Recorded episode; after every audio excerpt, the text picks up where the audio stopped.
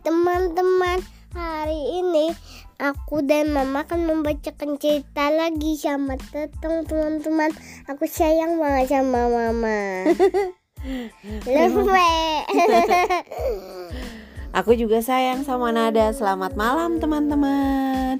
Udah lama banget ya Ayo kita kita nggak baca cerita. kita nggak eh, membacakan dongeng buat teman-teman. Hari ini tanggal 22 Desember bertepatan dengan Aku Hari teman-teman. Ibu. ya udah kalau kalau ngantuk bobo aja ya sambil dengerin dongeng kayak Iya. teman-teman. 22 Desember ini bertepatan dengan Hari Ibu. Teman-teman udah mengucapkan selamat Hari Ibu belum sama ibunya, mama, mami, bundanya? Gitu. Hari ini kita akan membacakan cerita judulnya Nyamuk yang Menakjubkan karya Danila Rito, penerbit Dava Media. Buat Selamat datang teman-teman. buat teman-teman yang udah ngantuk kayak Nada, merem aja ya. Jangan lupa berdoa dulu. Nada juga merem aja ya. Dahulu kala ada seorang raja yang terkenal serakah. Pepohonan di hutan ditebangi sehingga banyak hewan-hewan kehilangan tempat mencari makan. Kita tidak boleh membiarkan tingkah raja yang semena-mena membebat pepohonan, kata monyet. Kita bisa kekurangan dan kakinya kayak kelaparan bahan pangan. Mm-mm. Benar kawan, jawab beruang. Akibat pepohonan ditebang, maka sumber air dan sumber minumku mulai mengering. Selama ini tidak ada yang berani menentang sikap raja. Tiba-tiba mereka dikejutkan seekor nyamuk yang siap untuk melawan sikap sang raja. Masa sih nyamuk yang badannya kecil kok berani sih melawan raja? Nanti dia gini. Ya ya ya. Aku siap menjadi sukarelawan untuk menghentikan kesombongan raja, teriak nyamuk. Banyak hewan yang mencibir Suaranya keberanian nyamuk. suaranya lucu nyamuknya. Oke oke.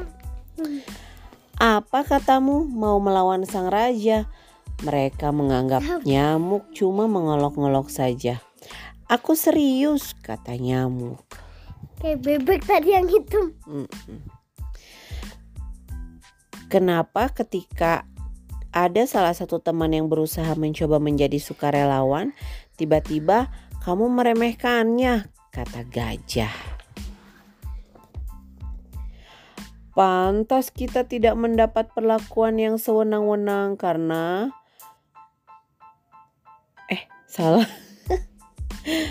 Maksudnya gini, Pantas kita mendapat perlakuan yang sewenang-wenang karena kita tidak bisa bersatu, kata sapi. Gitu. Sebaiknya kita beri kesempatan teman kita untuk menghadapi raja. Kita semua tentu tidak tahu apa kelebihan yang dimiliki nyamuk. Nyamuknya nangis.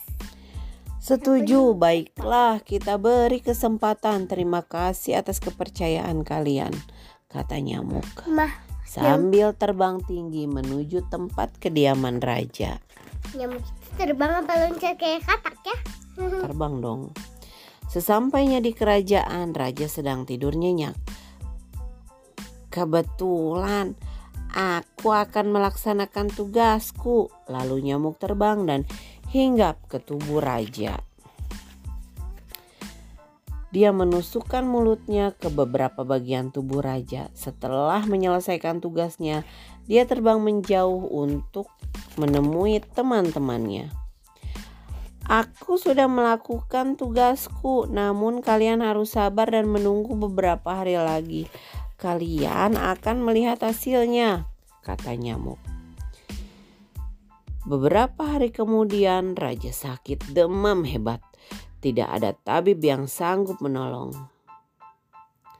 Akhirnya, raja yang sombong pun sakit berkepanjangan dan ia menyesali perbuatan-perbuatannya.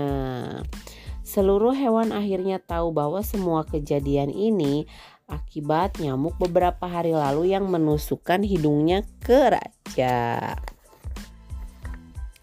Mereka sadar bahwa menilai teman itu jangan dilihat dari fisiknya. Setiap makhluk pasti memiliki kelebihan yang tidak dimiliki makhluk lain. Jadi, sekecil apa pun makhluk hidup atau apa pun Teman- bentuknya makhluk hidup itu kita pasti bisa saling meno Loh. Menolong. Teman-teman, nyamuk itu kecil, tapi bisa Ya iya iya. Bisa perang ya. Oke deh teman-teman, sekian pedang. cerita malam ini. Mama Nanda dan Nada mau tidur dulu ya. Teman-teman juga tidur. Jangan lupa cuci kaki dan berdoa. Dadah. Dan cuci tangan ya.